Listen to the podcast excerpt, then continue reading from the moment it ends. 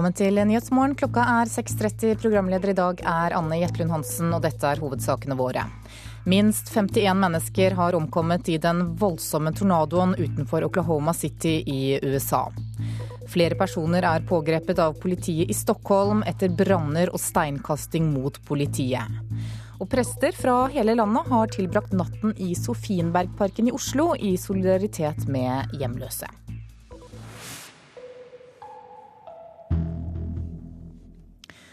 Over 50 eh, mennesker er altså bekreftet omkommet etter at en tornado raste gjennom en forstad til Oklahoma City i USA. Flere enn 120 mennesker behandles på sykehus i øyeblikket.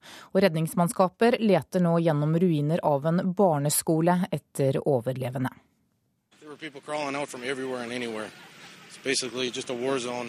Folk krabber ut fra ruiner. Det er som en slagmark, sier Thomas Earsom. Han kom til småbyen så raskt han kunne for å hjelpe til. Uh,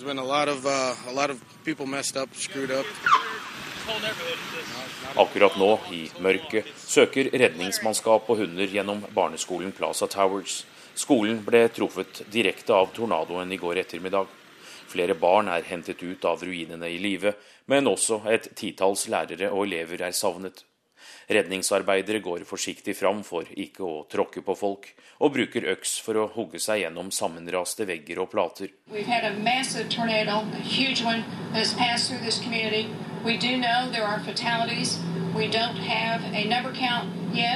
Oklahomas guvernør Mary Fallin tør ikke tallfeste noe ennå, og kjenner ikke hele omfanget av katastrofen. Det er vanskelig å ta seg fram. Rundt 55 000 mennesker bor i Moore, en forstad til Oklahoma by. Flere nabolag her er jevnet med jorda, halvparten er uten strøm, få telefonantenner virker, og det er frykt for gasslekkasjer. Fjernsynsbildene viser store områder som er lagt helt flate, biler som er kastet rundt i gatene, hus uten tak. Tornadoen var minst 1 km bred, hadde vindkast på 320 km i timen og holdt seg på bakken i 40 minutter, ifølge det nasjonale værsenteret. Oklahoma ligger i tornadobeltet, og for to år siden ble Joplin i nabodelstaten Missouri rammet. Her tok uværet livet av 158 mennesker. President Barack Obama stiller alle ressurser til disposisjon etter uværet i Oklahoma. Kongressen vil allerede i dag markere tragedien med ett minutts stillhet, og USA frykter at dagslyset vil bekrefte at det er like ille som de første fjernsynsbildene viser. Anders Tvegård, Washington. Og president Barack Obama har nå i morges norsk tid erklært Oklahoma for et katastrofeområde. Vi skal videre til Stockholm, for der er flere personer pågrepet etter uro i bydelen Husby. Flere biler ble satt i brann, og ungdommer kastet stein mot politi og brannmannskaper som prøvde å slokke brannene. Og også i forstedene Kista, Tensta og Rinkeby er det rapportert om uro. Reporter i Sveriges Radio Erik Petersson, hvordan er situasjonen i Stockholm i øyeblikket? Ja, i Husby i, her utenfor Stockholm så er det veldig lugnt just nå. Folk er på vei til jobbet, men man ser rundt om her eh, litt lemninger av det som hendt under natten. Det står, jeg står på Bergengatan nå eh, vid tunnelbanen precis og her står fire stycken utbrända biler og en halvutbränd lastbil. Men nå er det som sagt eh, veldig eh, lugnt her. Hva kan du si om det som har skjedd i natt? Ja, eh, det skal ha varit en grupp, enligt polisen en grupp om 200-300 personer som gått til till samlat angrepp mot polisen, så uttrykte han seg til meg. Og også mot räddningspersonal og brandkår. Det var till och med så att det på sina platser var ett 50-tal bränder ska ha varit eh, totalt under natten och på sina platser har det varit så att eh, polis, eh, brandkåren inte kunnat komma in och släcka det för att polisen bedömt att det inte är tillräckligt säkert. Går det an å si noe om hvor mange som er skadet? Eh, polisen hadde ingen oppgift om hvor mange av de som deltagit i kravallene totalt som vært skadet. men når jeg pratet med dem sa de at det var ungefär fyra til seks poliser som hadde lettere skader efter natten. Hvordan er reaksjonene blant innbyggerne i dette området? Ja, nu på morgonen så här, de jeg har pratet med siden jeg kom hit eh, har folk vært oroliga og rädda eh, og ikke riktig vetat varför det här händer. Eh, vi har pratet med en kvinne som eh, eh, var tvungen att titta, eller sa at hon först innan hon gick ut på sin morgonpromenad först ville se på nyheterna att det var lugnt. Eh, en annan kvinna som inte hade gått ut på hela kvällen igår och som vaknat av oroligheterna under natten. Så folk eh, som jag pratat med har varit ganska oroliga. Vad är bakgrunden för det som sker? Ja, bakgrunden är att eh, det förra måndagen skedde en dödsskjutning här ute. Polisen sköt under en insats en 69-årig man. Sen har det under veckan framkommit uppgifter om att polisen då inte gick ut med rätt uppgifter från första början. Eh, det har varit demonstrationer kring det här eh, i veckan och ja, nu ska det då ha eskalerat till, till våldsammare upplopp här under natten. Tack ska du ha, reporter Erik Pettersson i Sveriges Radio.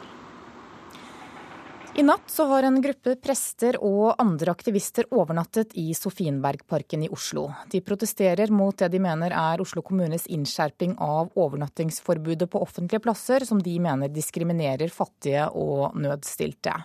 Og byråd for miljø og samferdsel, Ola Elvestuen, god morgen. God morgen, ja. Hva syns du om denne aksjonen fra prestene? Eh, nei, Den understreker jo det offentlige rom som den viktigste demokratiske arenaen som vi har. Og dette er, en, dette er en politisk markering som det selvfølgelig har all mulig rett til å, å, å ha. Gjør det inntrykk på deg at de velger å tilbringe en natt i Sofienbergparken? Eh, det er litt overraskende at det kommer nå. fordi dette, den politivedtekten som sier at man ikke skal campe eller telte i, i eh, parker, den har jo vært der siden 1981. Så hvorfor dette kommer nå, det er overraskende. Du, går det an å si litt om eh, hva som kommer til å skje med romfolk, rusmisbrukere og andre som sover under broer og i parker heretter? Rusmisbrukere og rusavhengige i Oslo skal ha et behandlingstilbud, og som også innebærer at man har eh, tak over hodet. Eh, så det er, Når det ikke skjer, så er det kun fordi vi ikke har klart å fange det opp. Når det gjelder problemstillingen med tilreisende, så er det selvfølgelig dette en situasjon som eh, kommunen nå er oppe i, som jeg tror både Oslo kommune og andre byer finner som er, som er, komplisert. Eh, men det er ingen tvil om at når det gjelder dette forbudet mot å, å telte eller campe i eh, byens parker eller offentlige rom, så kommer vi fortsatt til å holde fast ved den politivedtekten som vi har. Ja, hvordan kommer det til å slå ut i praksis? Skal de vekkes og jages, eller eh, hva tenker du eh, skal skje? Det er politiet som foretar den eh, vurderingen om de skal iverksette tiltak. Fra kommunens side så er vår oppgave er å rydde og holde orden i de grøntområdene og de offentlige rommene som vi har. Hva skal folk gjøre da, når de ikke har noe hjem og de ikke får sove ute? Dette er jo tilreisende som kommer til eh, Oslo. og det er klart at Man skal ha alle de muligheter og de rettigheter som det innebærer å være i Oslo. Men man må også følge noen av de reglene som vi har. og Et av de er at man ikke kan da ha eh, camping i det som er våre grøntarealer eller de offentlige rom. Ja, hvilke konsekvenser tror du det kommer til å få? Dette er som sagt, dette er det samme regelverket som vi har hatt i byen siden 1981. Så det er ikke noe endring i det som er bystyrets vedtak fra i fjor. Det, en, det som er gjort i forrige uke, det eneste endringen ligger i at det er en presisering som politiet har bedt om, som gjelder eh, parker og, og plasser. Og det er heller ingen så, som har foreslått å fjerne denne politivedtekten. Så jeg opplever at det er et enstemmig bystyre som mener at det ikke skal være mulig da, å opprette leirer eller campe i grøntarealene i Oslo. Prestene selv håper jo at denne aksjonen vil få byrådet til å se på konsekvensen av bestemmelsen på nytt og gjøre om eh, på vedtaket. Og de skal møte dere også senere i dag. Hva er ditt budskap til dem? Det som er viktig å huske på, dette er, Vi er i en komplisert uh, situasjon uh, for byen. Men det er klart at våre parker og grøntarealer, dette er mange folk som bor i, nærmiljøet. Dette er deres uh, nære friarealer, det er lekearealer. Og det er klart at her, her kan vi ikke ha en regulær Eh, camping. Det, det, tror jeg det er, bred enighet, eller det er det en bred enighet om i bystyret i Oslo. Når det gjelder det som er situasjonen i byen, så er det vel en, en kombinasjon at vi må ha restriktive tiltak, samtidig som vi også har samarbeid med ulike frivillige organisasjoner om det som er da eh, sosiale tiltak.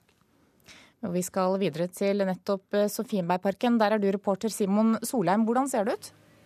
Ja, her i eh, Sofienbergparken i Oslo så har eh, folk begynt å stotte opp. De har begynt å stikke hodene ut av soveposene. Det har vært rundt 150 mennesker som har sovet ute i natt, og jeg kan telle rundt ca. 30 telt her. Det har vært god stemning, og pensjonert prest Tordis Ødegård, du har reist helt fra Toten. Hvorfor det? Fordi jeg synes det er så viktig at kirka markerer standpunkter for menneskeverd, altså. Eh, og jeg ble veldig glad da jeg hørte at noen hadde tatt initiativ til dette. Og, og derfor så kom jeg hit. Hvordan har eh, natta vært? Har du sovet godt? Den eh, har vært sånn passe. Når den begynner å komme opp i åra, så er det litt mindre søvn, men desto vakrere morgen. Når en kan stå opp klokka fire, så oppdager en jo at en går glipp av mange vakre ting. Fuglesangen og, og lukta av eh, ny dag. Uh, men uh, det er derfor jeg kom hit, da, for det kan jeg også kjenne på Toten. Men jeg synes det var en stor glede, like ved pinsetider spesielt at denne markeringa eh, kom fram, og i forbindelse med ny lovgivning i, eh, i forhold til ja, hvor, eh, hvor, viktig er denne demonstrasjonen?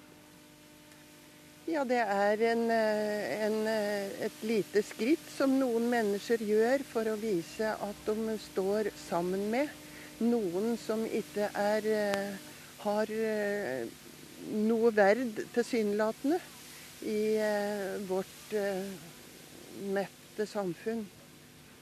Da sier vi eh, takk til deg, og det er, gjenstår å se nå hvor lang tid de siste bruker på å komme seg ut av teltene.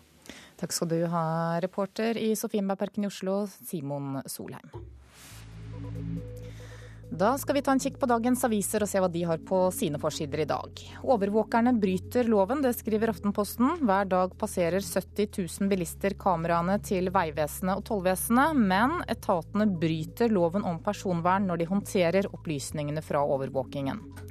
VG skriver om et ektepar som er siktet for bedrageri av 50 eldre kvinner. Avisa forteller deg hvordan politiet mener at paret har lurt enkene for millioner. I Fremskrittspartiets eh, utstillingsvindu Os kommune i Hordaland så danker kommunen ut private i sykehjemsanbud. Nå har kommunen vunnet tilbake også de konkurranseutsatte omsorgsboligene, ifølge Klassekampen.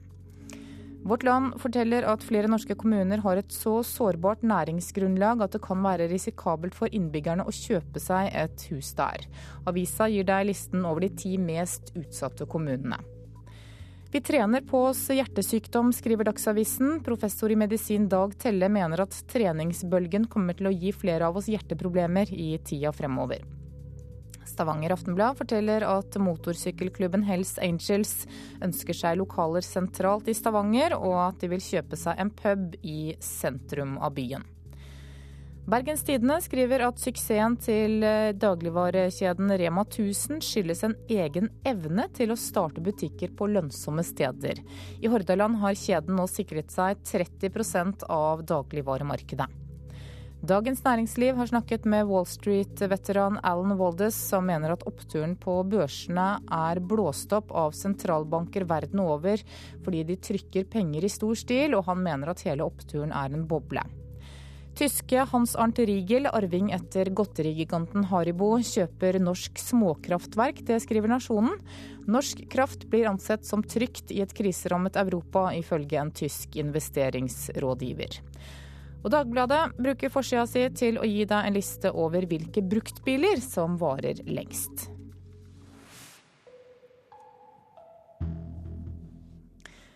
Da skal vi ha sport. Ole Gunnar Solskjær vil ikke be tidligere Manchester United-manager sir Alex Ferguson om råd for hvordan han kan få fotballklubben Molde ut av den sportslige krisa.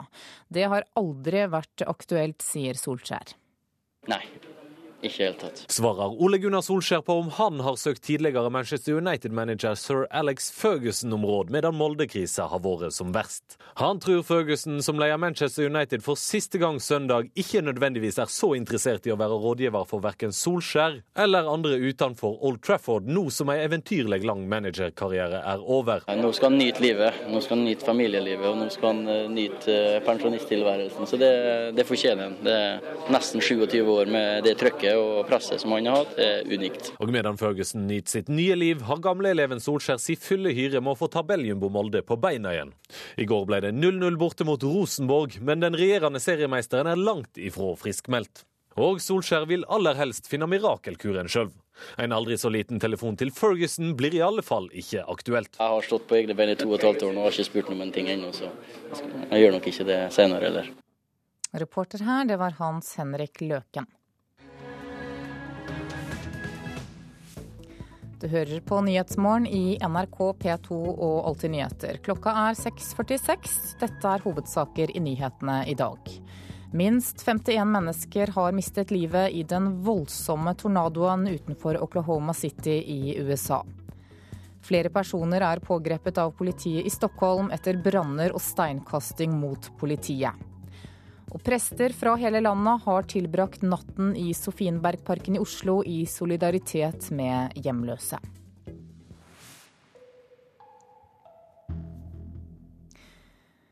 Tidligere ordfører i Vågå, Rune Øygard, er fornøyd med behandlingen han har fått i ankesaken i Eidsivating lagmannsrett. I dag er det klart for avslutningsforedragene før juryen skal avgjøre om han er skyldig i seksuelle overgrep i morgen. Øygard føler at alt har kommet frem i retten, sier forsvarer Mette Yvonne Larsen. Det har vært tøffe fire uker, men han er ved godt mot. Og han opplever vel at denne runden her har løfta fram flere forhold som han syns er viktig.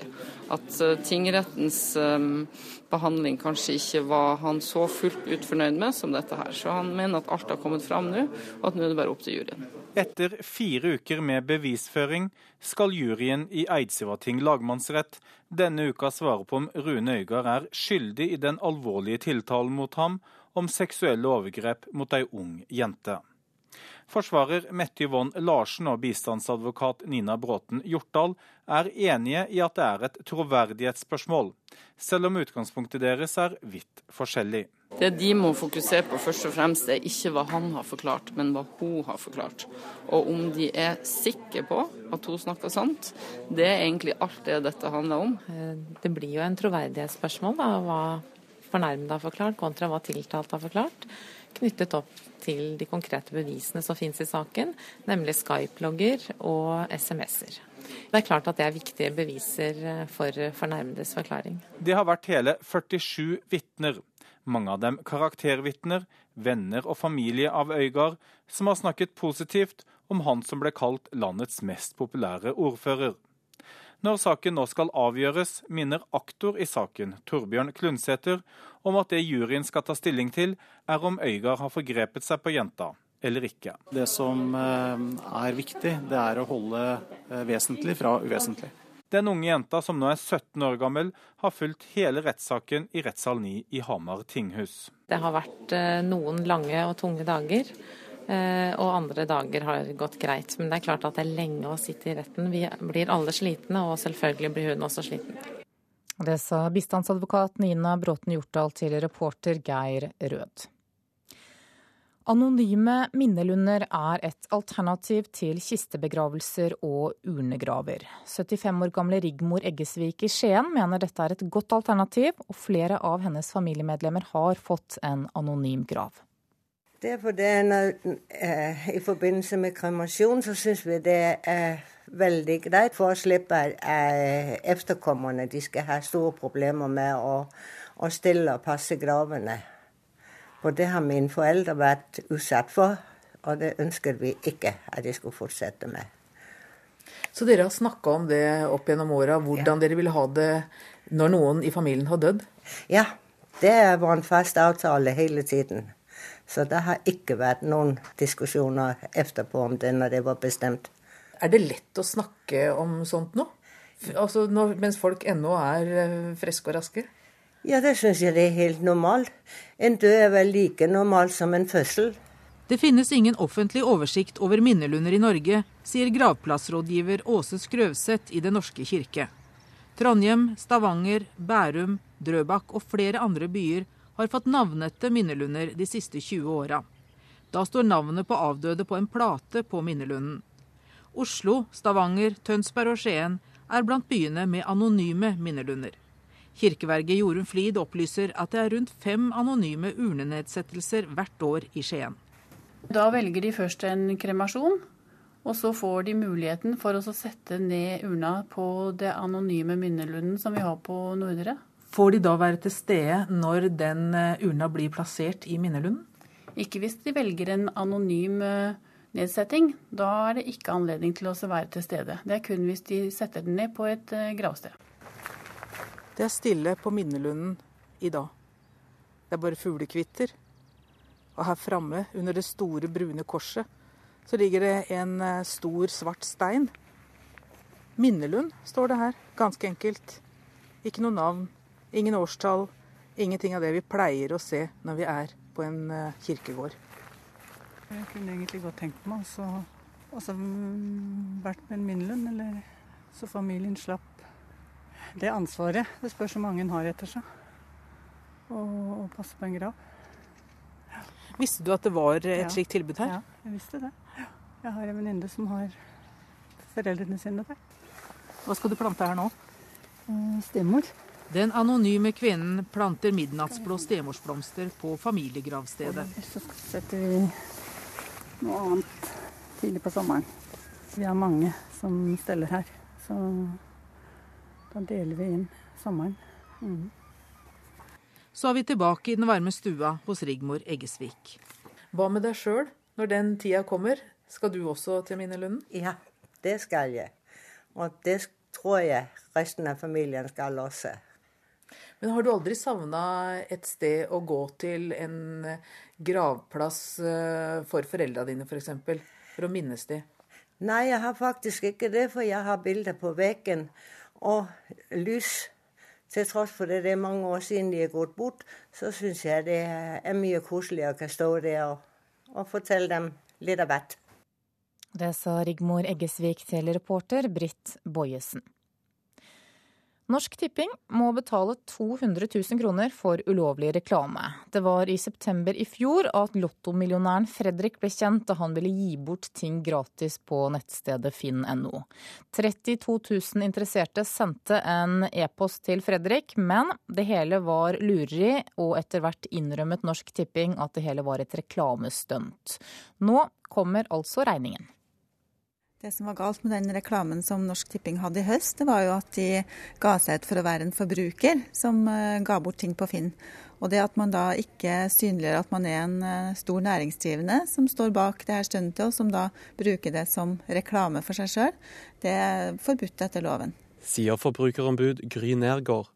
I fjor høst ble det lagt ut flere annonser av det som skulle vise seg å være en fiktiv lottomillionær som ville gi bort ulike eiendeler gratis. Nå har Norsk Tipping ilagt en bot på 200 000 kroner etter at Markedsrådet har slått fast at selskapet har brutt forbudet mot skjult reklame. Vi syns at den er viktig sett i lys av den utviklinga vi er i ferd med å se, om at, eh, at, man eh, prøver å fremstille reklame som noe annet enn akkurat av reklame. Så gir det her et viktig signal om at det prinsippet er verdt å holde fast på, og at eh, man ser alvorlig på det når noen prøver å omgå det forbudet. Nei, det er bare tatt til etterretning. Eh, både vi og reklamebyrået vårt skulle ha tenkt oss bedre om i, i denne saken, så dette får vi bare bite i oss. Einar Busterud er direktør for kommunikasjon og strategi i Norsk Tipping. Sammen med reklamebyrået Try var det altså de som sto bak fiktive Lotto-Fredrik. Ja, hallo. Da får du kanskje den mest prestisjetunge gaven av de alle. Dette er lyden av en video som Norsk Tipping selv la ut da de sendte ut en pressemelding og fortalte at de sto bak. I videoen deler fiktive Lotto-Fredrik ut lamper. Så da får dere det egentlig Gardiner. Sånn. Ja, så kjekt, da. Gardiner, skal dere henge det opp hjemme? Ja, ja. Mm. En bil. Denne er det. Og mange andre ting. Bare ta den hvis du vil. Boten til tross, tanken bak var god, sier Einar Busterud i Norsk Tipping. Nei, Vi har jo et ordtak som heter at lottomillionærer er, er ikke som andre millionærer. og Tanken var da at du skulle da gi bort en masse ting. En fiktiv lottovinner, da. Så det ble jo gjort. Så mange fikk jo både ja, alt fra utstoppa elghue til eh, bil og masse innbåt. Selv om en bot på 200 000 kroner nok svir, kommer humor fremdeles til å være en del av markedsføringsstrategien til Norsk Tipping. Hva er den neste planlagte reklamekampanjen? Nei, Det blir iallfall ikke å dele ut noe eh, gratis produkter eh, fra en fiktiv lottomillionær. Reporter her, det var Eivind Våge. Maihaugen på Lillehammer søker frivillige som kan jobbe gratis i sommer. Hensikten er å skape mer liv på et av Norges største friluftsmuseer. Og ideen er hentet fra utenlandske museer. Ta brynet munka var bedre. Per Bollviken bryner ljåen til frivillige skal ta Slåtten på Maihaugen i Lillehammer i sommer. Blir det bra? Nå er det kvass. Norges største museum utenfor Oslo har årlig rundt 120 000 besøkende. Men de siste åra har utlendingene sviktet, sier museumsdirektør Gaute Jacobsen. Nå går jo busstrafikken litt ned, og litt nedgang i, i utenlandske turister. Så vi må jo hele tiden jobbe eh, for hvordan vi skal utvikle museet og, og skaffe nye besøkende. Nå søker museet etter frivillige som skal gjøre ulike typer praktisk arbeid på det 370 mål store området. Eh, det er fordi at dess mer liv, dess mer attraktivt vil museet være. Sier formidler Anette Simenstad. Så bare det å ha en riktig kledd person, om det er mann eller dame, som går rundt og bare hilser på folk med en kurv eller en veske eller løfter litt på hatten eller hva det er, det er med på å gi folk en bedre opplevelse. Så det er veldig viktig. Ja, det er en fordel hvis du klarer det. Kan være med på Slåttøyna. Det er første gang det store friluftsmuseet i Lillehammer går ut og søker etter frivillige på denne måten. Ideen har de fått fra lignende museer ute i Europa. Veldig mange museer nå i Europa prøver ut det med frivillighet, og har veldig stor suksess. Fordi at det levende museum er veldig aktuelt. Museet med 200 bygninger fra 1200-tallet og fram til i dag søker folk med kunnskap og praktisk erfaring, sier Gaute Jacobsen. Så vi har, eh, vi har veldig mange aktiviteter vi kan tilby. Og Det vi ønsker, da, er å, å, å, ha flest mulig folk ute i Friluftsmuseet om sommeren spesielt. Eh, hvor vi har eh, Bjørnstad, og vi har Øygarden, og vi har skolestua, vi har prestegården og Garmo stavkirke. Og, og, vi har byen og boligfeltet. Så vi har så mange arenaer vi kan tilby da, til, til, frivillige som har lyst til å være hos oss. Karen Jensen er en av dem som meldte seg som frivillig på Maihaugen i sommer. Ja, jeg gjorde det. Hun skal jobbe med planter i prestegardshagen på museet. Frivillig, uten lønn. Jeg regner med det. jeg har ikke hørt at jeg skulle få noe for det. det er greit, det. Hvorfor det? Jo, jeg syns det er et veldig fint sted. Maihaugen. Liker meg på Maihaugen. Reporter var Stein S. Eide. Da skal vi se på et værvarsel som gjelder til midnatt. Fjell i Sør-Norge, regnbyger, flest byger nord for Finse og perioder med sol. Østlandet for det meste skyet, lokale regnbyger, utrygt for torden vesentlig øst for Oslo og lokalt mye nedbør i Hedmark. Telemark skyet eller delvis skyet, stort sett opphold fra i ettermiddag lokale regnbyger og utrygt for torden. Agder i kveld liten kuling, stort sett oppholdsvær og perioder med sol. Rogaland kan vente seg liten kuling på kysten i kveld, litt regn og yr og lokal tåke. Hordaland, Sogn og Fjordane og Møre og Romsdal litt regn og yr og lokal tåke også der. Trøndelag sørøstlig opp i liten kuling i nord, enkelte regnbyger særlig fra i ettermiddag og utrygt for torden. Helgeland sørøstlig liten kuling utsatte steder, enkelte regnbyger vesentlig i indre og sørlige strøk, perioder med sol og utrygt for torden. Saltfjellet, Salten og Ofoten sørøstlig liten kuling utsatte steder. I kveld stedvis stiv kuling. Pent vær, fra i ettermiddag delvis skyet og mulighet for enkelte regnbyger. Lofoten og Vesterålen pent vær, i kveld tilskyende i Lofoten. Troms sørøstlig periodevis liten kuling utsatte steder og pent vær. Kyst- og fjordstrøkene i Finnmark for det meste pent vær. Finnmarksvidda delvis skyet oppholdsvær. Spitsbergen på kysten i nord periodevis liten kuling. Nord for Isfjorden litt regn eller sludd, ellers eh, opphold. Så tar vi med temperaturene som ble målt klokka fem. Da hadde Svalbard lufthavn to grader, Kirkenes fem, Vardø fire. Alta ni, Tromsø åtte, Bodø 15, Brønnøysund 17, Trondheim 15, Molde 13. Bergen og Stavanger 11, Kristiansand 13, Gardermoen og Lillehammer 12, Røros 9. Og på Oslo-Blindern så var det 14 plussgrader da klokka var fem i dag morges.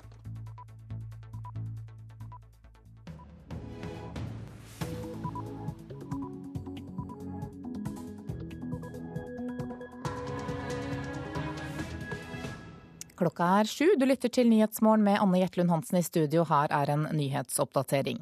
Minst 51 mennesker er bekreftet omkommet etter at en tornado raste gjennom en forstad til Oklahoma City. Folk krabber ut fra ruiner. Det er som en slagmark, sier Thomas Earsom. Han kom til småbyen så raskt han kunne for å hjelpe til.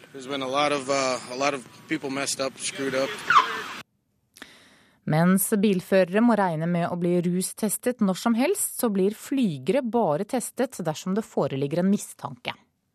Det er ganske alvorlig hvis eh, en flyver skulle være beruset og transportere flere hundre mennesker høyt opp i luften. Så kan det jo få uante konsekvenser. Sier politioverbetjent Trond Østen Berge. Tidligere ordfører i Vågå, Rune Øygard, er fornøyd med behandlingen han har fått i ankesaken i Eidsivating lagmannsrett. Flere personer er pågrepet av politiet i Stockholm etter branner og steinkasting mot politiet. Det skal ha vært en gruppe, enligt polisen en gruppe om 200-300 personer som gått eh, til samlet angrep mot polisen. Og NHO Reiseliv vil ha slutt på at barer og restauranter må søke om skjenkebevilling hvert fjerde år. Først denne halvtimen skal vi til USA og i Oklahoma, der 50 mennesker nå er bekreftet omkommet i en enorm tornado som raste gjennom byen Moore i går kveld lokal tid. Mange er fremdeles savnet, og det rapporteres om at dødstallet forventes å stige. Og utenriksmedarbeider Stig Arild Pettersen, hva er det siste nå fra redningsarbeidet i Oklahoma? TV-kanalen CNN melder akkurat nå at 40 eh, nye døde har blitt funnet i Moore. Det er The Chief Medical Examiner, altså myndighetenes eh, organ som etterforsker store og plutselige dødsfall, som opplyser om dette på TV akkurat nå. Og de sier at dødstallet etter all sannsynlighet vil stige ytterligere over det som nå da ser ut til å være mer enn 90 døde i, eh, i byen Moore. Um, det er snart midnatt i Oklahoma, det, eller det er over midnatt nå. Det gjør vanskeliggjør det her uh, redningsarbeidet. Vi vet at uh, bl.a. er 24 barn fremdeles ikke bekreftet funnet etter at minst to skoler ble truffet av tornadoen, og myndighetene har satt inn um, stort, stort, og tungt maskineri for å, for å hjelpe til i oppryddingsarbeidet.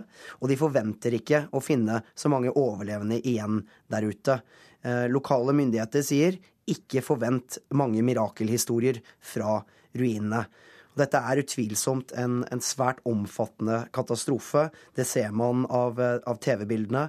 Store deler av byen Moore, et område på fem-seks eh, kvartaler bredt og mange mange kvartaler langt, er rett og slett jevnet med jorden.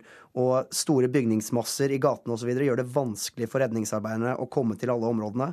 Og, og, derfor så kan vi forvente at dødstallet stiger utover dagen og nå natten i USA. Takk skal du ha, Stig Arild Pettersen. Nordmannen Per Einar Fohn er på besøk hos svigerforeldrene sine og måtte rømme ned i tornadorommet da uværet raste forbi. Fohn forteller at tornadoen traff bare én kilometer unna svigerforeldrenes hus. Nei, det var eh, ja, Vi var jo inne i et, noe som lignet et bomberom, så det var ikke så mye å oppleve akkurat. Men det var klart det er skremmende. Det var enorme krefter. Du merka jo at det rista på en måte og var urolig. og Vi hørte jo, vi hørte jo på en måte hagl som datt på taket. Og, og, vi Ja, vi satt nå der og hørte at det hadde gått forbi. og Da var det å gå ut og kikke. og Da så vi jo tornadoen, og vi hørte jo tornadoen. Det var som å høre et svært tog som passerte oss på en måte.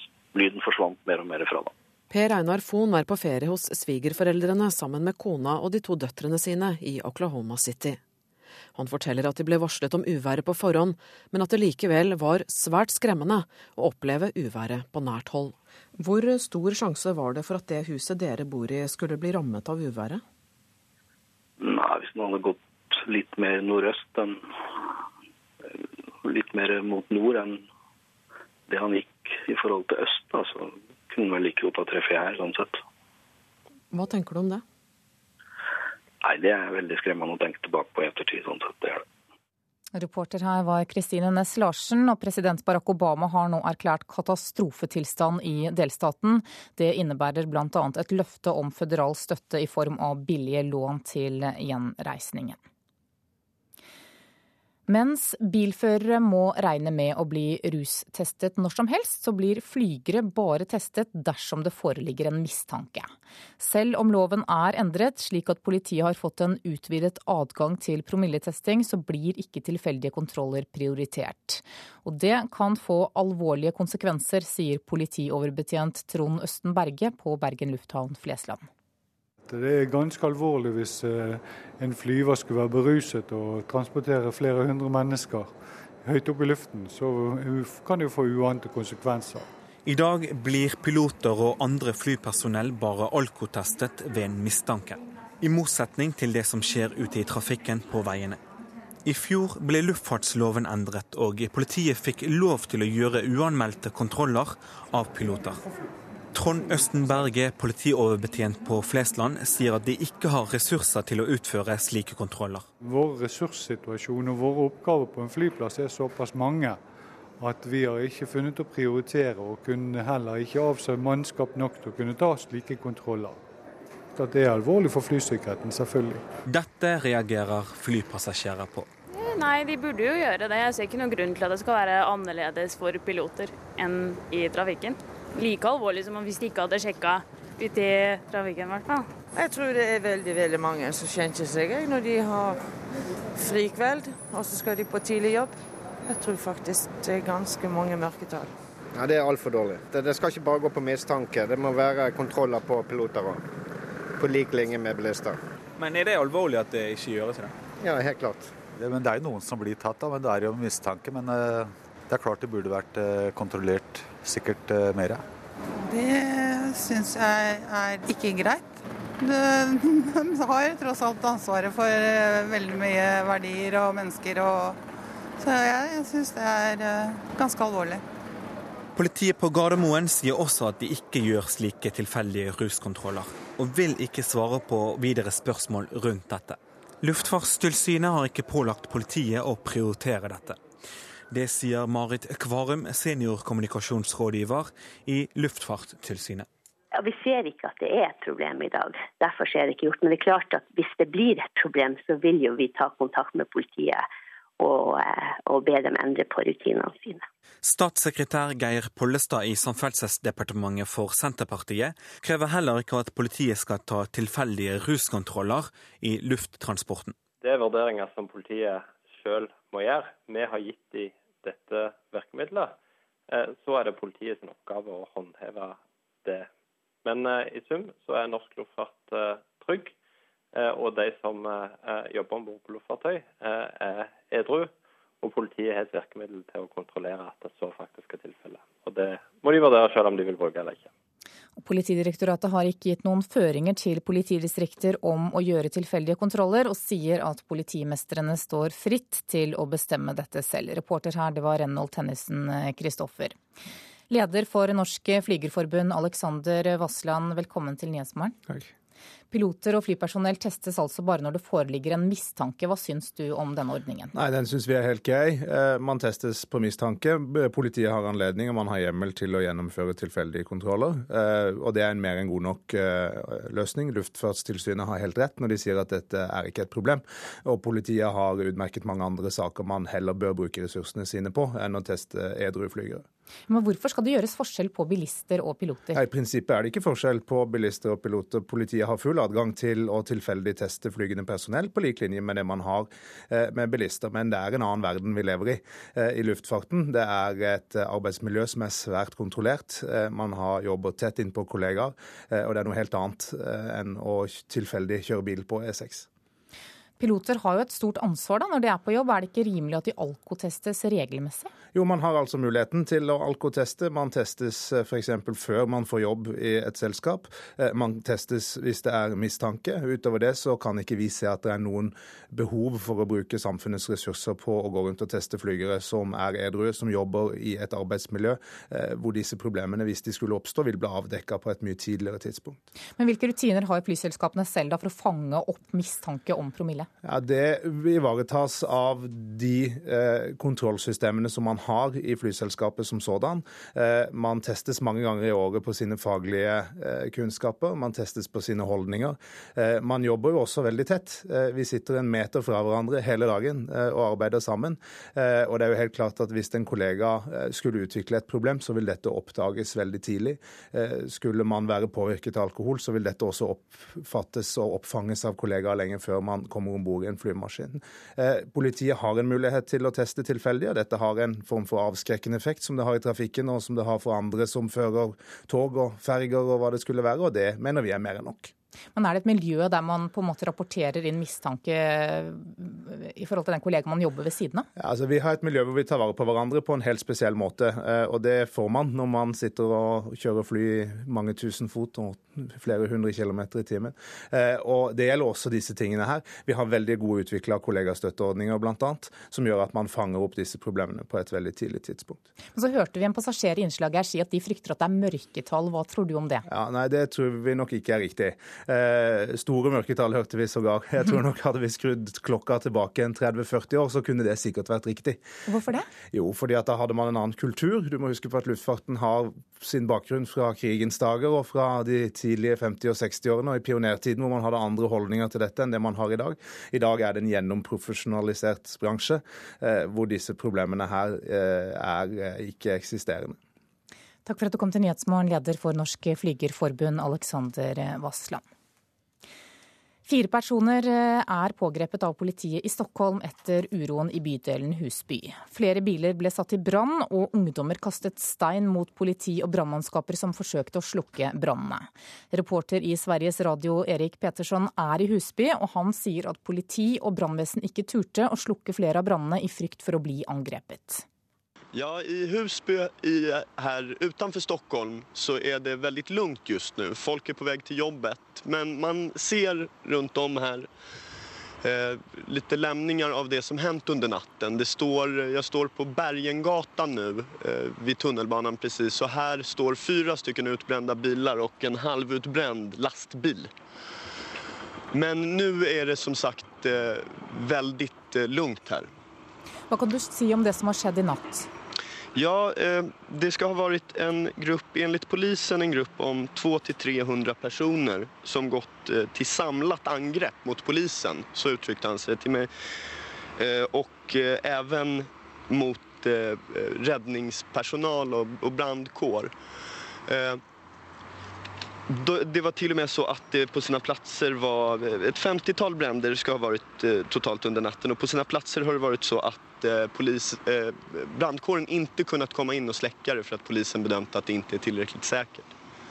Og det er den sosiale håpløsheten som er den underliggende årsaken til opptøyene. Det mener Rospe Dialoy, redaktør for forstadsavisa Norra Sidan, som følger området tett. Den utløsende faktoren skal ha vært at en mann ble skutt og drept under en politiaksjon i Husby i forrige uke. Men årsaken til problemet ligger dypere, mener Dialoy. Det handler om å de her områdene med ungdomsarbeidsløshet, med skolenes situasjon, med bostedene, med alt som gjør at livsvilkårene for ungdommene ut som de gjør.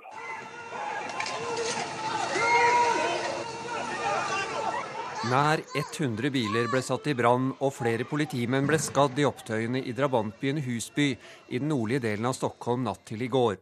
Også i natt fortsatte opptøyene. Bydeler som Husby har mange utfordringer med fattigdom og arbeidsløshet. Mellom 70 og 80% av befolkningen har innvandrerbakgrunn. En stor andel av ungdommene forlater grunnskolen uten godkjent vitnemål, sier Rospe Jaloy. I visse skoler helften eller en tredjedel, går eh, grunnskolen altså ut uten betyg. Og de har ingen liksom, eh, sjanser til å få jobb. Han vil ikke unnskylde opprøret, men sier det er viktig å forstå bakgrunnen for å skjønne hva som skjer. Alt det her som jeg sier, innebærer ikke at jeg ursäktar det som har hendt i området. Jeg forsøker liksom hitta förklaringar eftersom om vi ikke forstår hvorfor det hender, og vi bare fokuserer oss på liksom det polisiära eller liksom försöker hitta liksom vem som bär skuld, så kommer vi aldri kunna løse de her problemene. Flere øyenvitner hevder også at politiets oppførsel forsterket opptøyene. Politifolk skal ha brukt rasistiske uttrykk som aper og negere mot ungdommene, og blir også beskyldt for å ha brukt mer vold enn nødvendig. Det er i så fall ikke første gang, sier reporter Simon Andrén, som dekker saken for Sveriges Radio. Det finnes jo noen historier som har etset seg kvar i, folks minne, og framfor alt handler det om en historie i Malmö for et par, tre, fire, fem år siden da en eh, polisman ble filmet da han kalte en ung mann i Malmö for apejævel. Og eh, det her sa han jo da, og visste ikke om at han ble filmet. Og når det her avslöjades så fikk det enorme reaksjoner. Men man vet ennå ikke riktig om det her stemmer og, og det hele har jo anmeldt og kommer til å utredes. Og man får se hva den utredningen leder til. Reporter var Tom Ingebrigtsen. Klokka er 7.15. Du hører på Nyhetsmorgen. Dette er hovedsakene i dag. Tallet på omkomne etter den voldsomme tornadoen utenfor Oklahoma City i USA har passert 90, men kommer trolig til å fortsette å stige. Mange av de omkomne er barn. Flere personer er pågrepet av politiet i Stockholm etter branner og steinkasting mot politiet. Og Unge Venstre ønsker å erstatte helligdagsfri med en egen røddagskonto.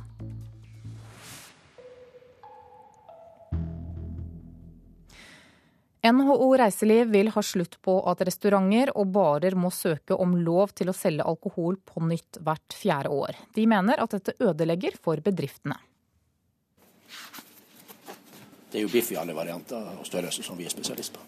Jan Erik Fjærvoll viser fram en stor brun meny med biffer i alle fasonger.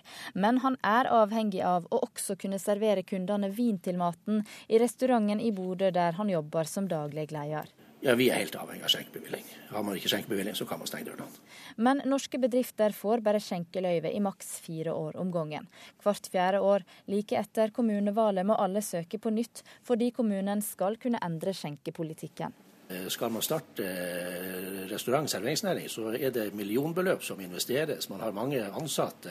og eh, Det at man risikerer å skulle miste bevilgninger hvert fjerde år, det er et usikkerhetsmoment både for ansatte og også i forhold til finansieringsinstitusjoner. NHO Reiseliv vil ha slutt på fireårsregelen. Det gir eh, uakseptable økonomiske rammevilkår og uforutsigbarhet for de ansatte sier Jostein Hansen, direktør for juridisk avdeling. Man bør få bevilgningen inntil videre, på lik linje med alle andre næringer. Fellesforbundet, som organiserer mange ansatte i hotell- og restaurantnæringa, har ikke bestemt seg for hva de skal mene om dette. Men statssekretær for Ap i Helsedepartementet, Nina Tangnes Grønvoll, sier at det ikke er aktuelt å endre lova nå. Det er altså sånn i forhold til alkohol at der må folkehelsehensyn veie tyngre enn næringshensyn. Det det er ingen rettighet å få eh, salgs- og skjenkebevilling for alkohol.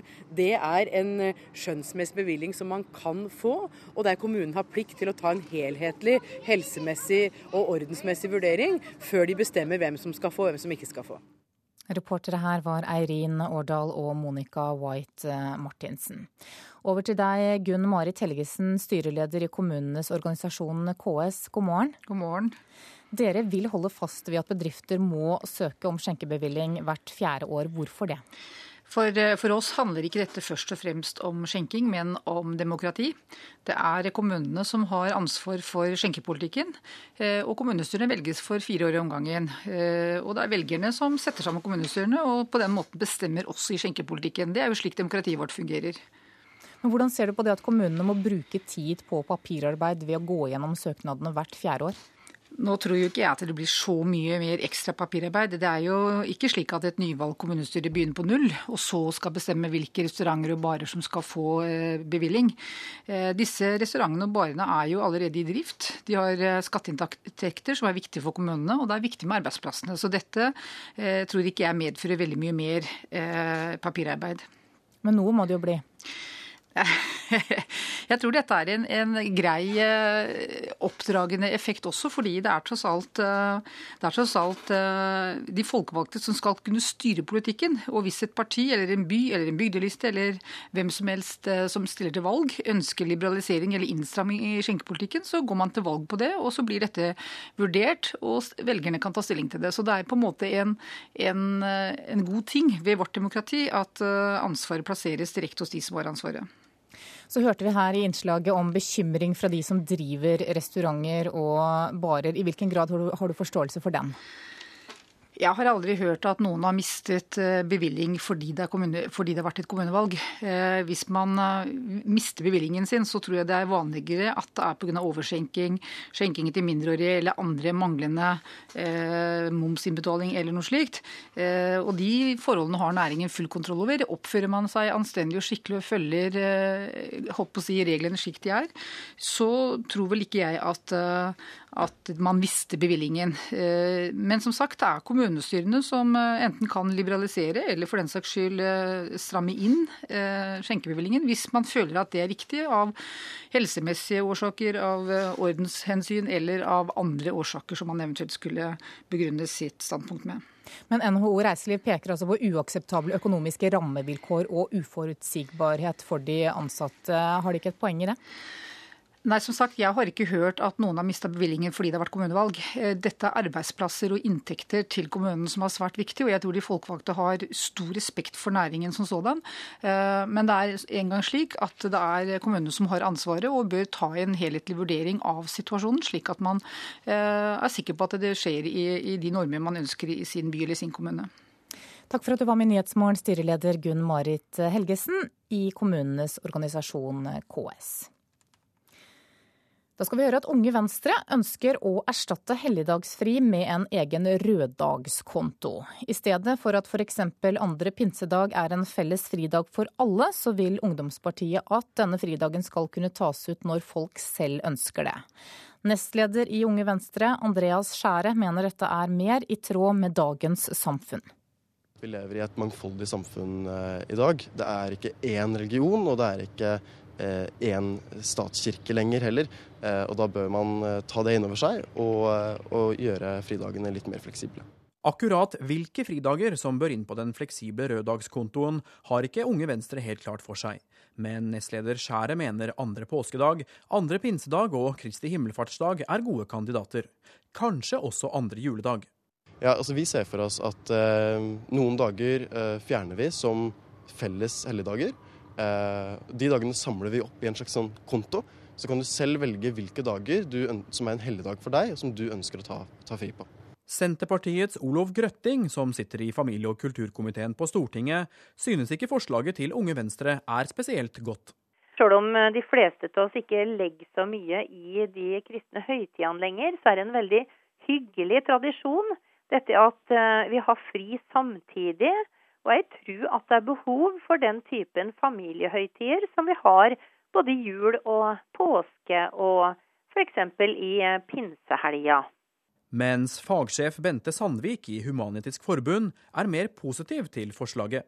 Norskhet og hvordan vi lever livet vårt er blitt ganske forskjellig i løpet av de mange senere tiårene. Så jeg er absolutt for at vi ser på dette med nye, friske øyne, for å si det sånn og ikke bare holder på gamle tradisjoner fordi de er gamle tradisjoner. Reportere her det var Halvard Norum og Petter Auli Hauge. Guatemalas høyesterett har annullert dommen for folkemord mot tidligere diktator Efrain Rios Montt. Montt ble for ti dager siden dømt til fengsel i 80 år for å ha drept nærmere 1800 maya-indianere under borgerkrigen i Guatemala på begynnelsen av 1980-tallet. Saken skal nå opp for retten på nytt. 16 kinesiske fiskere som har blitt holdt som fanger i Nord-Korea i to uker, er nå løslatt. Bortføringen av fiskerne har forsuret forholdet mellom Kina og Nord-Korea. Colombias militære har drept en kommandant for FARC-geriljaen sør i landet. FARC og Colombias regjering har de siste seks månedene forhandlet om en slutt på den snart 50 år lange borgerkrigen i landet. Den tidligere presidenten i Sør-Afrika, Nelson Mandela, har blitt saksøkt av sine egne døtre. De har saksøkt faren for å få rettighetene til verkene hans og retten til å kontrollere de store økonomi, økonomiske verdiene han har. Det skriver den sørafrikanske avisen The Star. Døtrene hevder at de er rettmessige bestyrere av virksomheten, og krever umiddelbart å få kontroll over Mandelas verdier. De norskstøttede fredsforhandlingene mellom FARC-geriljaen og myndighetene i Colombia har nå pågått i et halvt år. Og nå får partene kritikk for at det ennå ikke har kommet noe konkret ut av disse forhandlingene.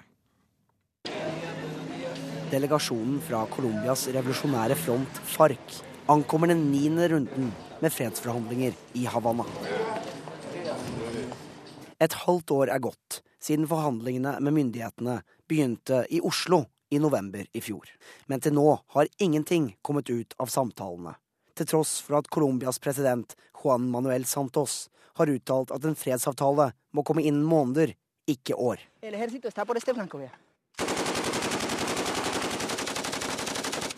FARC-geriljaen har herjet den colombianske landsbygda i nær et halvt århundre. De siste årene har store deler av lederskapet blitt drept i kamp, og FARC står nå svakere enn noensinne. Dette gjør at geriljaen er redde for å legge ned våpnene før de har oppnådd troverdige løfter fra regjeringen, bl.a. om jordreform, FARCs viktigste kampsak gjennom hele borgerkrigen. Men FARC avviser kritikken om at forhandlingene gjør for få fremskritt. Hvis vi skal skape varig fred, må vi gå grundig til verks, og det tar tid, sier FARCs sjefsforhandler Ivan Marquez i Havanna. Alt i alt ser det positivt ut. Vi beveger oss framover. Og selv om det er svært vanskelig, har vi klart å føre sammen to helt forskjellige utgangspunkt, sier Markus. Målet til president Santos er en fredsavtale før presidentvalget neste år. Det vil utvilsomt øke sjansene hans for fire nye år i Casa de Nariño. Og det fortalte utenriksmedarbeider Stig Arild Pettersen. Da skal vi ta en kikk på dagens aviser og se hva de har på forsidene sine i dag. Overvåkerne bryter loven, det skriver Aftenposten. Hver dag passerer 70 000 bilister kameraene til Vegvesenet og Tollvesenet. Men etatene bryter loven om personvern når de håndterer opplysningene fra overvåkingen. VG skriver om et ektepar som nå er siktet for bedrageri av 50 eldre kvinner. Avisa forteller deg hvordan politiet mener at paret har lurt enkene for millioner av kroner. I Fremskrittspartiets utstillingsvindu Os kommune så danker kommunen nå ut private i sykehjemsanbud. Nå har kommunen vunnet tilbake også de konkurranseutsatte omsorgsboligene, ifølge Klassekampen.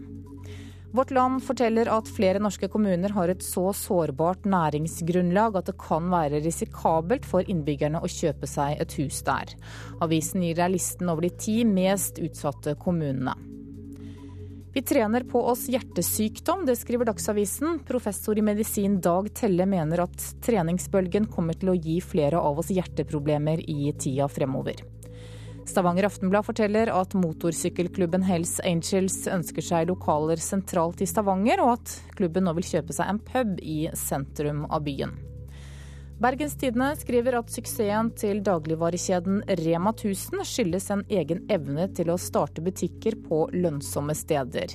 I Hordaland så har kjeden nå sikret seg 30% av dagligvaremarkedet. Dagens Næringsliv har snakket med Wall Street-veteran Alan Waldes, som mener at oppturen på børsene er blåst opp av sentralbanker verden over fordi de trykker penger i stor stil. Og han mener at oppturen er en boble.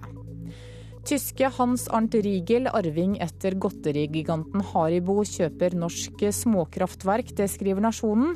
Norsk kraft blir ansett som trygt i et kriserammet Europa, ifølge en tysk investeringsrådgiver. Og Dagbladet har rydda forsida i dag for å gi deg lista over hvilke bruktbiler som varer lengst.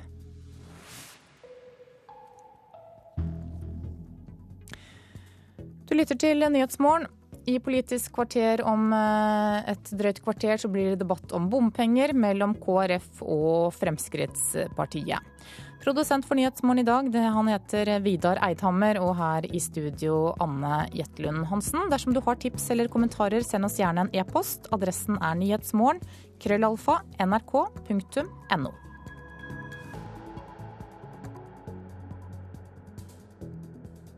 NRK P2. Et kraftig roterende uvær knuste store deler av en by i Oklahoma i USA i natt. Og politiet har ikke tid til å alkoteste piloter, gjør det bare om det er mistanke om rusbruk. Her er NRK Dagsnytt klokka 7.30. Store deler av byen Moore ble jamna med jorda, og flere er omkomne etter et kraftig uvær i Oklahoma i USA.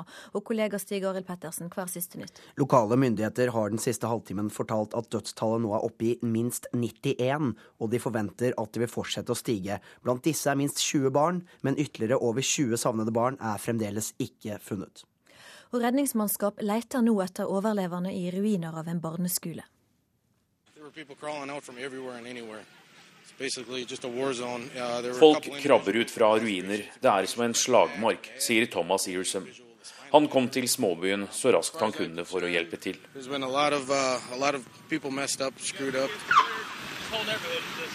Akkurat nå, i mørket, søker redningsmannskap og hunder gjennom barneskolen Plaza Towers. Skolen ble truffet direkte av tornadoen i går ettermiddag. Flere barn er hentet ut av ruinene i live, men også et titalls lærere og elever er savnet. Redningsarbeidere går forsiktig fram for ikke å tråkke på folk, og bruker øks for å hugge seg gjennom sammenraste vegger og plater.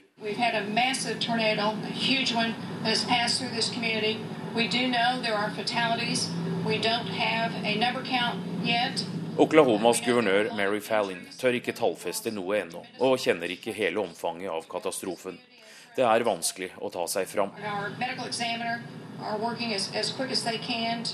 Rundt 55 000 mennesker bor i Moore, en forstad til Oklahoma by. Flere nabolag her er jevnet med jorda, halvparten er uten strøm, få telefonantenner virker, og det er frykt for gasslekkasjer. Fjernsynsbildene viser store områder som er lagt helt flate, biler som er kastet rundt i gatene, hus uten tak. Tornadoen var minst 1 km bred, hadde vindkast på 320 km i timen og holdt seg på bakken i 40 minutter, ifølge det nasjonale værsenteret. Anders Tvegård, Washington. Nordmannen Per Einar Fon er på besøk hos svigerforeldra sine og måtte rømme ned i tornadorommet da uværet rasa forbi. Det var klart det er skremmende. Det var enorme krefter. Du merka jo at det rista. Ja, vi satt nå der og hørte at det hadde gått forbi. og Da var det å gå ut og kikke. og Da så vi jo tornadoen, og vi hørte jo tornadoen. Det var som å høre et svært tog som passerte oss. på en måte. Lyden forsvant mer og mer fra da. Per Einar Fon er på ferie hos svigerforeldrene sammen med kona og de to døtrene sine i Oklahoma City. Han forteller at de ble varslet om uværet på forhånd, men at det likevel var svært skremmende å oppleve uværet på nært hold. Hvor stor sjanse var det for at det huset dere bor i skulle bli rammet av uværet? Hvis den hadde gått litt mer nordøst enn Litt mer mot nord enn det han gikk i forhold til øst, da, så kunne han vel like godt ha truffet her, sånn sett. Reporter Kristine Næss Larsen og kollega Stig Arild Pettersen, hva gjør amerikanske styresmakter med situasjonen nå? Lokalt er absolutt alle krefter, inklusiv nasjonalgarden, satt i sving for å lete og rydde. President Obama har også erklært dette som en stor katastrofe, og det frigjør føderal hjelp i rednings- og oppryddingsarbeidet. Men det er ikke tvil om at det her er en vanskelig jobb. I Oklahoma har de nå passert midnatt, og det er, eh, er bekmørkt. Så myndighetene er redde for at det er få overlevende igjen der ute, og de sier at man ikke skal forvente mange mirakelhistorier fra ruinene. Sverige nå, for også i natt har det vært voldsomme sammenstøyter mellom politi og rasende innbyggere i bydelen Husby i Stockholm.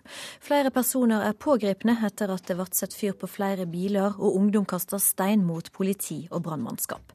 Reporter Erik Pettersson i Sveriges Radio ser mange utbrente biler i byen etter at nesten 300 mennesker gikk ut på gatene i går.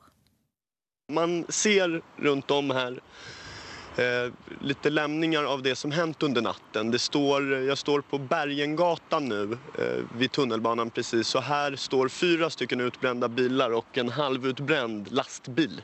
Det ska ha varit en grupp, enligt en grupp om 200-300 personer som gått eh, till samlat angrepp mot polisen, så uttryckte han mig. Eh, och eh, även mot eh, räddningspersonal och, och brandkår. Medan bilførere må regne med å bli rustesta hele tida, blir flygerne bare testa om det er mistanke om rus. Selv om lova er endra for å gi politiet utvida tilgang til promilletesting, prioriterer de ikke tilfeldige kontroller. Og det kan få alvorlige følger, sier Trond Østen Berge, som er politioverbetjent på Flesland i Bergen. Det er ganske alvorlig hvis eh, en flyver skulle være beruset og transportere flere hundre mennesker høyt oppe i luften, så kan det jo få uante konsekvenser. I dag blir piloter og andre flypersonell bare alkotestet ved en mistanke. I motsetning til det som skjer ute i trafikken på veiene. I fjor ble luftfartsloven endret, og politiet fikk lov til å gjøre uanmeldte kontroller av piloter. Trond Østen Berge, politioverbetjent på Flesland, sier at de ikke har ressurser til å utføre slike kontroller. Vår ressurssituasjon og våre oppgaver på en flyplass er såpass mange at vi har ikke funnet å prioritere, og kunne heller ikke avse mannskap nok til å kunne ta slike kontroller. Det er alvorlig for flysikkerheten, selvfølgelig. Luftfartstilsynet har ikke pålagt politiet å prioritere dette. Det sier Marit Kvarum, seniorkommunikasjonsrådgiver i Luftfartstilsynet. Ja, Vi ser ikke at det er et problem i dag. Derfor er det ikke gjort. Men det er klart at hvis det blir et problem, så vil jo vi ta kontakt med politiet og, eh, og be dem endre på rutinene sine. Statssekretær Geir Pollestad i Samferdselsdepartementet for Senterpartiet krever heller ikke at politiet skal ta tilfeldige ruskontroller i lufttransporten. Det er vurderinger som politiet sjøl må gjøre. Vi har gitt de dette virkemidlet. Eh, så er det politiets oppgave å håndheve det. Men eh, i sum så er norsk luftfart eh, trygg. Politidirektoratet har ikke gitt politidistriktene føringer om å utføre tilfeldige kontroller, og sier at politimeistrene står fritt til å avgjøre dette sjølve. Reporter var Reynold Tennisen Christoffer. NHO Reiseliv vil ha slutt på at restauranter og barer må søke om lov til å selge alkohol på nytt hvert fjerde år. De mener at det ødelegger for virksomhetene. Det er jo biff i alle varianter og størrelser som vi er spesialist på. Jan Erik Fjærvoll viser fram en stor brun meny med biffer i alle fasonger. Men han er avhengig av å også kunne servere kundene vin til maten i restauranten i Bodø der han jobber som daglig leder. Har man ikke skjenkebevilling, så kan man stenge dørene. Men norske bedrifter får bare skjenkeløyve i maks fire år om gangen. Hvert fjerde år, like etter kommunevalget, må alle søke på nytt, fordi kommunen skal kunne endre skjenkepolitikken. Eh, skal man starte eh, restaurant- og serveringsnæring, så er det millionbeløp som investeres. Man har mange ansatte. og eh, Det at man risikerer å skulle miste bevilgninger hvert fjerde år, det er et usikkerhetsmoment. NHO Reiseliv vil ha slutt på fireårsregelen. Det gir eh, uakseptable økonomiske rammevilkår og uforutsigbarhet for de ansatte sier Jostein Hansen, direktør for juridisk avdeling. Man bør få bevilgningen inntil videre, på lik linje med alle andre næringer. Fellesforbundet, som organiserer mange ansatte i hotell- og restaurantnæringa, har ikke bestemt seg for hva de skal mene om dette. Men statssekretær for Ap i Helsedepartementet, Nina Tangnes Grønvoll, sier at det ikke er aktuelt å endre lova nå. Nettopp denne fireårsperioden som kommunene har, der hvert nytt kommunestyre eh, får seg forelagt alle søknadene på nytt og må se dette i helhet og ta en oppdatert beslutning, er viktig for å sikre det lokale selvstyret og for å sikre en ansvarlig alkoholpolitikk. Reportere Eirin Årdal og Monica White Martinsen. Strømsgodset håper å få spillere på landslaget til VM-kvalifiseringskampen mot Albania. Det sier trener for serieleierne i norsk fotball, Ronny Deila. Vi ønsker å få det på landslaget, det er vi ikke i tvil om. Vi ønsker å ha flest mulig til å spille for Norge. Men hvem fra serieleder Strømsgodset som bør stå på blokka til landslagssjef Egil Olsen onsdag, vil ikke de la si noe om. Ja, det er vanskelig å svare på. Det får Drillo avgjøre. Det er som en godtehylle, du får plukke det du har lyst på. Stefan Johansen eksempelvis har vært veldig bra. Han er vel den som kanskje er nærmest i en eventuelt A-landslagstropp. Sier NRKs fotballkommentator Carl Petter Løken om en av godsets store profiler så langt denne sesongen. Men han påpeker også at det langt ifra er selvsagt at formsterke spillere i norsk eliteserie er sterke nok for en plass på landslaget. Selv om spillere spiller godt i vår hjemlige øverste divisjon, så er det et stykke vei opp. Og det er ikke veldig mange norske spillere som, i vår hjemlige serie som er der enda. Reportere var Hans Henrik Løken og Håvard Raustøl. Hovedsak i denne sendinga var at eh, et kraftig uvær har eh, jamna deler av en småby i USA med jorda. Dødstallene nærmer seg 100. Ansvarlig for sendinga Elin Pettersen, teknisk ansvarlig Hanne Lunås, og i studio Ragnhild Bjørge. Klokka er 7.40 og Nyhetsmorgen fortsetter. I forrige uke så ble en amerikansk diplomat arrestert for spionasje i Moskva i en episode som russerne mente minnet om den kalde krigen. Og var det noen som var eksperter på spionasje under nettopp den kalde krigen, så var det russerne. Den mest spektakulære enkeltepisoden den gang var det riktignok britene som sto bak. I disse dager er det 50 år siden Profuma-skandalen. Christine Keeler. A stunning call girl is the honey in a honey trap. Hun var 19 år og vakker. Hun kom fra nederste trinn på den sosiale rangstigen, men hennes skjønnhet og sexappeal kompenserte for bakgrunn og dannelse. My name is Christine Keeler. This is the story of my life. Hun ble omtalt som call girl, eller gledespike om man vil, og hun fikk etter hvert innpass i de høyeste sirkler, ikke minst på grunn av Stephen Ward, en mann med forbindelser. Ward. Stephen Ward hadde rike og mektige venner, men han opererte gjerne i lovens gråsone. Han arrangerte fester for og skaffet eskortepiker til så vel adelsstanden og sosieteten som diplomater og politikere. På en av Wards ville fester, arrangert på et adelig gods hos lord Astor, skulle den 19 år gamle skjønnheten, etter planen, lokke en sovjetisk diplomat i den berømte Honningfellen. Hun skulle altså forføre marineattaché Jevgenij Ivanov og sørge for at det ble tatt kompromitterende bilder, slik at han senere kunne presses til å skifte side og dermed bli dobbeltspion. The MI5 plan entice Ivanov into bed with a call girl, take pictures with a hidden camera and blackmail him. Men Kristin Keeler viste seg å være for uimotståelig. For før den sovjetiske marineattachéen i det hele tatt hadde ankommet det flomlyste bassenget med en naken Christine Keeler, hadde Storbritannias krigsminister John Profumo falt for henne, til tross for at hans vakre skuespillerkone Valerie Hobson var til stede. Ivanov gikk altså ikke i honningfellen før neste dag, og dermed var grunnlaget for skandalen lagt. To mektige menn på hver sin side av jernteppet, og under teppet en felles venninne som forlystet og forløste begge. Men dette var mer enn sengekos. Det var storpolitisk dynamitt. The honey trap goes sour and erupts into a front page scandal and political disaster.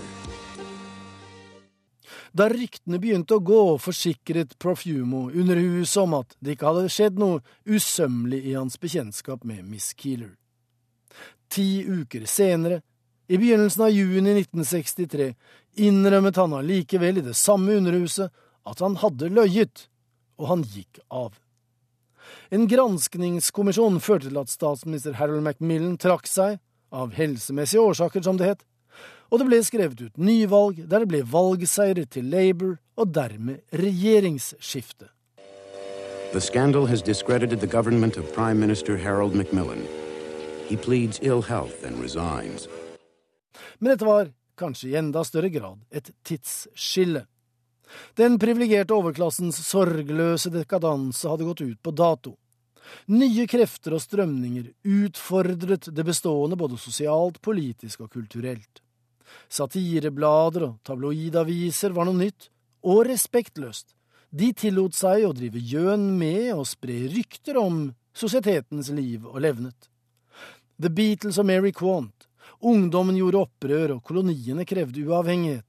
Imperiet gikk i oppløsning, og for John Profumo og hans elitesjikt skulle tilværelsen aldri mer bli den samme. Og det sa utenriksmedarbeider Joar Hoel Larsen. Du hører på Nyhetsmorgen. Klokka er 7.44. Dette er hovedsakene våre. Flere enn 90 mennesker har mistet livet i en voldsom tornado utenfor Oklahoma by i USA. Det er ventet at tallet blir høyere, og mange av de omkomne er barn. Flere personer er pågrepet av politiet i Stockholm etter branner og steinkasting mot politiet. Og prester fra hele landet har tilbrakt natten i Sofienbergparken i Oslo i solidaritet med hjemløse. Til helgen samles Fremskrittspartiets landsmøte, og kamp mot bompenger er én av sakene partiet vil markere seg på før valget. Programleder i Politisk kvarter, Per Arne Bjerke. Bompenger er moderne landeveisrøveri, sier FrPs Bård Hoksrud, og møter Knut Arild Hareide til debatt.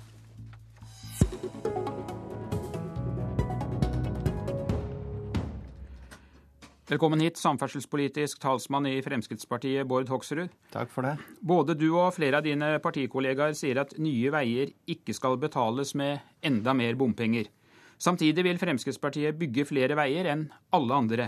Kan du nå fortelle lytterne hvordan dere har tenkt å finansiere dette? Ja, Det har vi tenkt å finansiere ved at vi ønsker å opprette et statlig veiselskap, på samme måte som det Østerrike har gjort, som har bygd ut hele veinettet sitt. Ja, Men hvor kommer pengene fra? Jo, Pengene kommer fra overskuddet på oljeinntektene. Vi behøver ikke å ta penger fra oljefondet. Men det er utrolig lønnsomt å bygge, bygge veier med statlige penger. Nå er det altså sånn at De åtte siste åra har regjeringa sammen med KrF, Høyre, og Venstre stemt for alle forslag i Stortinget for bompenger. Det har kosta kostet bilistene 40 milliarder som ikke blir til en eneste meter vei. Det du nå sier er at dere vil bruke mer oljepenger for å bygge flere veier? Ja, Vi mener at det er kjempelønnsomt å investere i infrastruktur, og det viser også beregninger fra bl.a. Uh, Cambridge eh, Economic, System, nei, Economic eh, Forum, som har gjort en beregning som viser at vi kan spare tre og en halv gang det vi investerer, og det klarer ikke oljefondet, som har gitt 2,5% avkastning de siste ti åra. Leder i Stortingets eh, transportkomité og leder i Kristelig Folkeparti, Knut eh, Arild Hareide.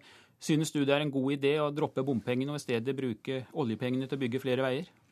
Det er jo ingen av oss som er veldig glad i bompenger.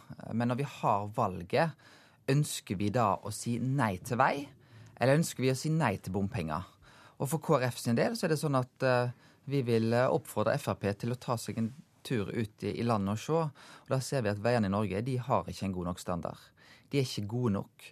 Og i dag blir faktisk valget relativt enkelt. Da mener vi det er bedre å si ja til bompenger og ja til bedre vei, enn å si nei til bompenger og nei til bedre vei. Ja, for eh, I morges Hoksrud, så kan vi lese i Aftenposten om E80 i Troms som er utsatt fordi politikerne i Tromsø sa nei til bompenger, blant andre dine partifeller. Er det bedre å ikke få noen vei i det hele tatt, dersom alternativet er en vei med bompenger? Nei, det er ikke bedre å ikke få noe vei, men det er altså sånn at eh, Høyre og Fremskrittspartiet i Tromsø gikk til valg på at de var mot bompenger. Så har regjeringa og stortingsrepresentanter hele tida sagt at dette med bompenger det handler om lokal frivillighet og ønske om å få bompenger.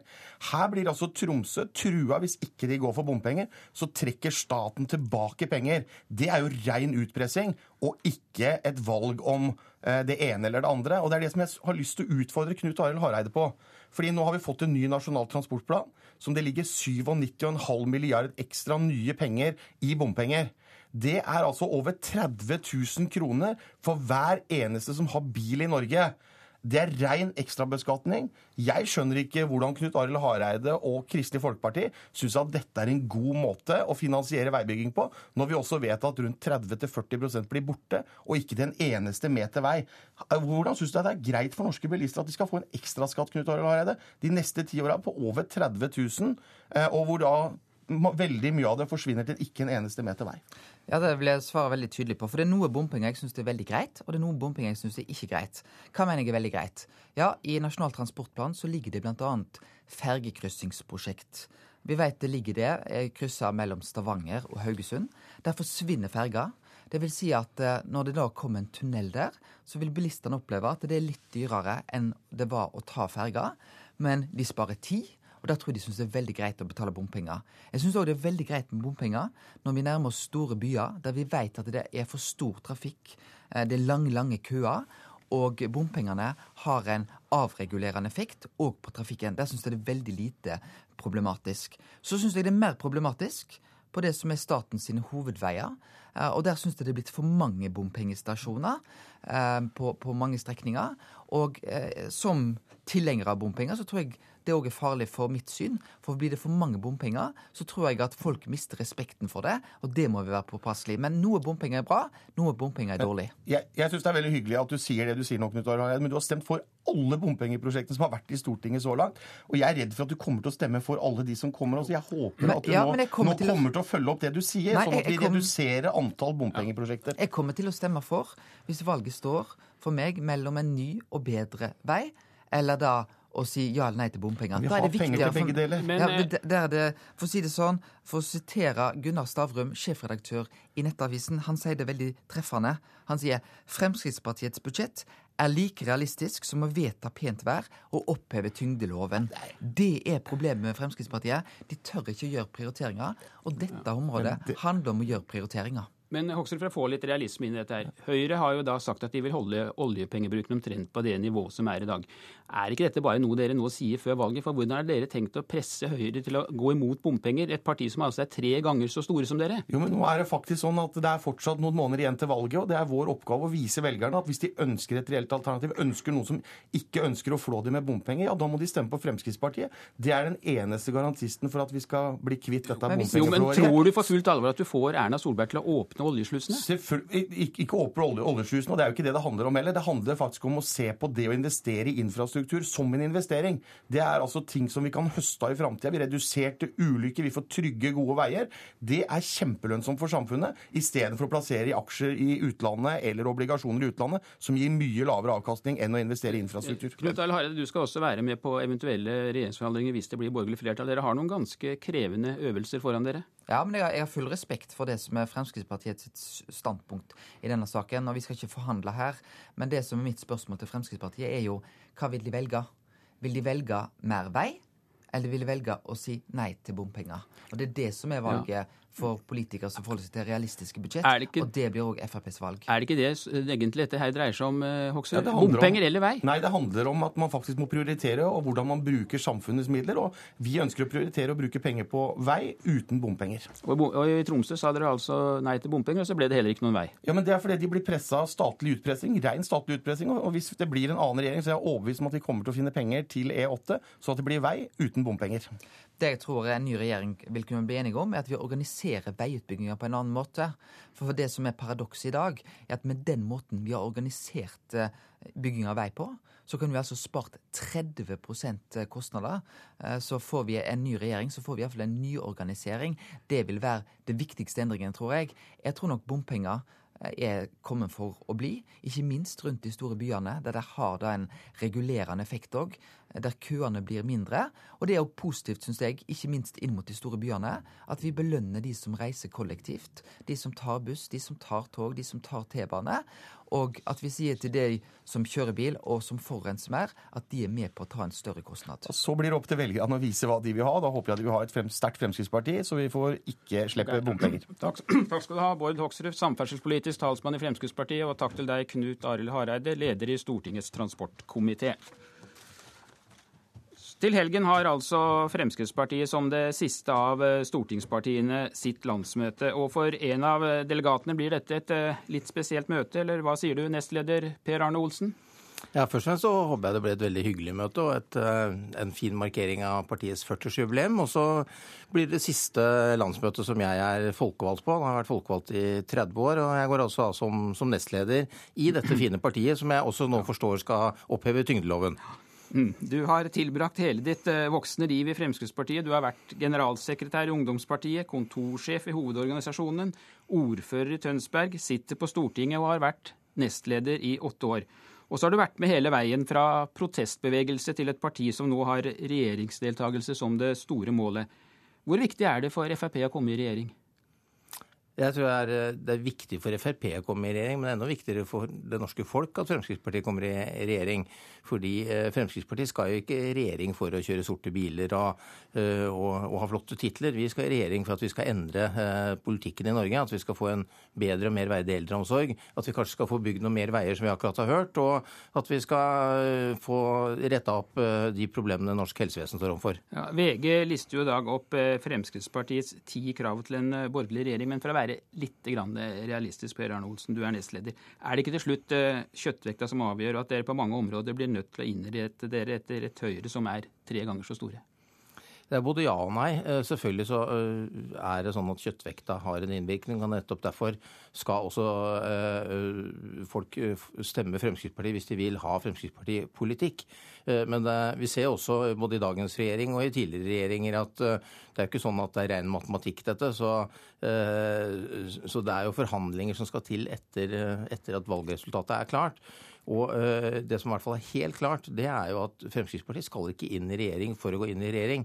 Vi skal inn i regjering fordi vi skal ha en innvirkning på norsk politikk. Og får vi ikke det, så er det ikke noe vits i med regjering. Vi skal uh, bidra til at skattene blir lavere. Vi skal bidra til at vi får mindre byråkrati. Og vi skal rette opp en del av de store utfordringene norske samfunnet står overfor. Du snakket om å oppheve tyngdeloven da du møtte din partikollega Hoksrud i døra her. Men er det bare å innse at her blir det snakk om å svelge ganske store kameler på tvers?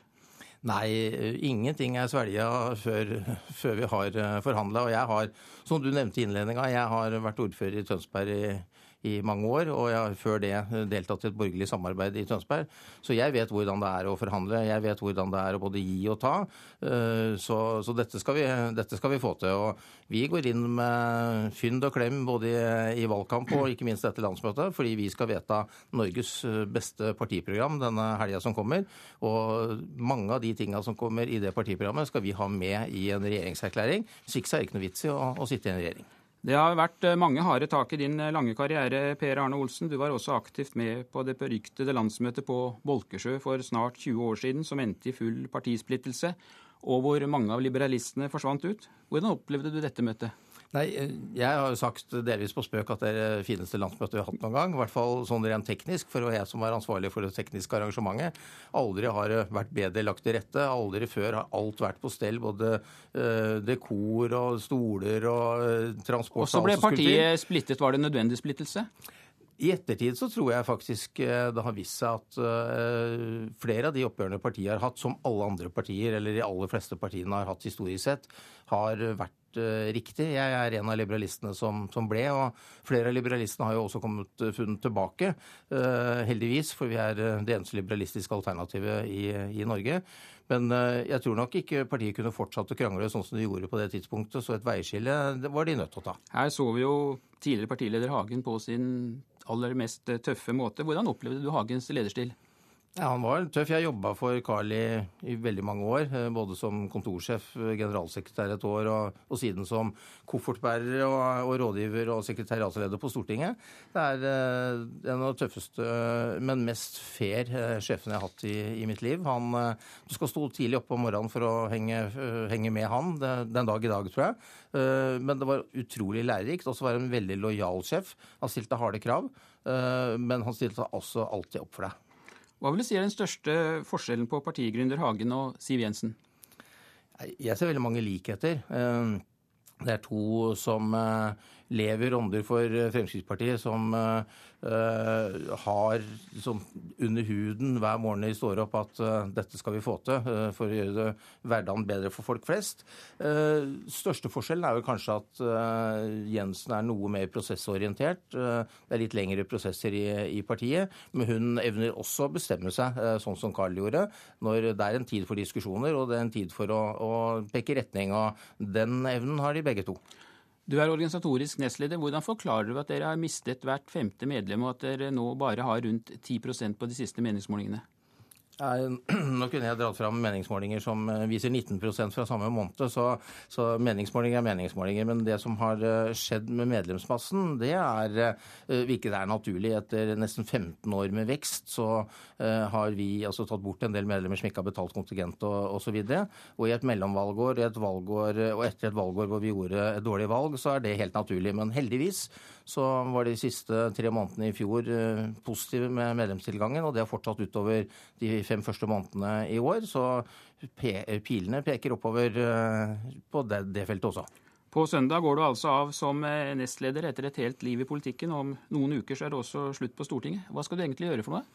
Det har jeg ikke bestemt meg for. Jeg har tenkt som så at jeg får drive med politikk mens jeg holder på med det. Og så får jeg bruke huet mitt og skaffe meg en jobb etterpå. Men det ordner seg helt sikkert. Jeg liker å jobbe og har skaffa meg masse kompetanse og masse kontakter opp gjennom alle disse årene. Så en jobb skal jeg alltids, eh, alltids få. Men nå er det én ting som gjelder. Det er å sørge for at Fremskrittspartiet gjør et veldig godt valg, og ikke minst et veldig bra landsmøte til helga. Takk skal du ha, avgående nestleder i Fremskrittspartiet, Per Arne Olsen. Og det var eh, Politisk kvarter. Vi minner om at sendingen kan du også laste ned som podkast. Jeg heter Per Arne Bjerke. Hør flere podkaster på nrk.no podkast.